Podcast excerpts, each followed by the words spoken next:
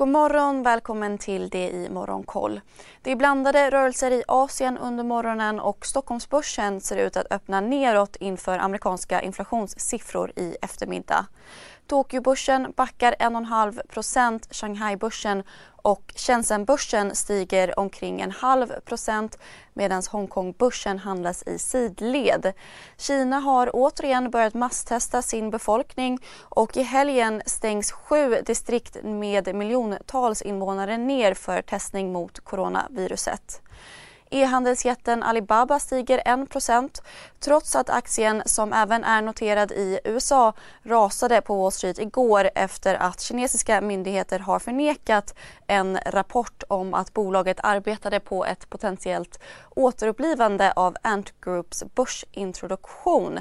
Samtalen om en notering har setts som ett tecken på att regleringarna av teknikbranschen i landet skulle kunna lätta. I Kina steg konsumentpriserna med 2,1% i maj jämfört med samma månad förra året. Och Kinas producentpriser steg som väntat 6,4% i maj i årstakt. I USA stängde börserna klart neråt igår inför dagens inflationssiffra. S&P föll 2,5% och Nasdaq närmare 3% Elbilstillverkaren Nio föll 7,5 har du också valt att bli egen?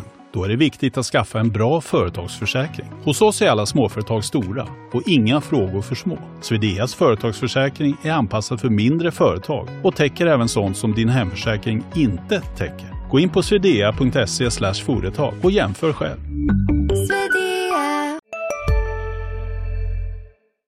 efter en svag prognos medan sektorkollegan Tesla backade runt 1% efter en köprekommendation av UBS. Den amerikanska finansinspektionen har inlett en utredning av telekomjätten Ericssons misstänkta mutbrott i Irak och Scandic har kommit med en omvänd vinstvarning där hotellkedjan spår ett starkt resultat under det andra kvartalet. Delvis drivet av en kraftigt förbättrad hotellmarknad.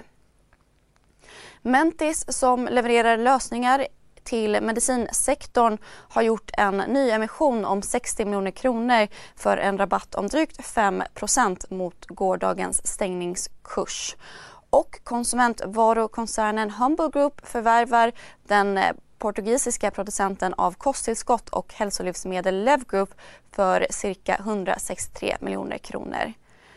Klädhandelns försäljning i Sverige steg med drygt 36% i maj jämfört med samma månad förra året.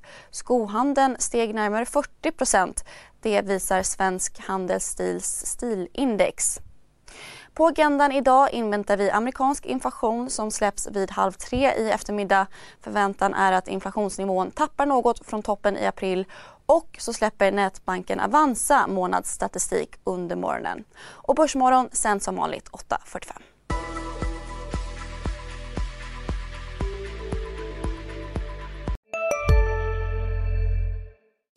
Hej, Synoptik här. Så här års är det extra viktigt att du skyddar dina ögon mot solens skadliga strålar. Därför får du just nu 50% på ett par solglasögon i din styrka när du köper glasögon hos oss på Synoptik. Boka tid och läs mer på synoptik.se. Välkommen! CSRD, ännu en förkortning som väcker känslor hos företagare.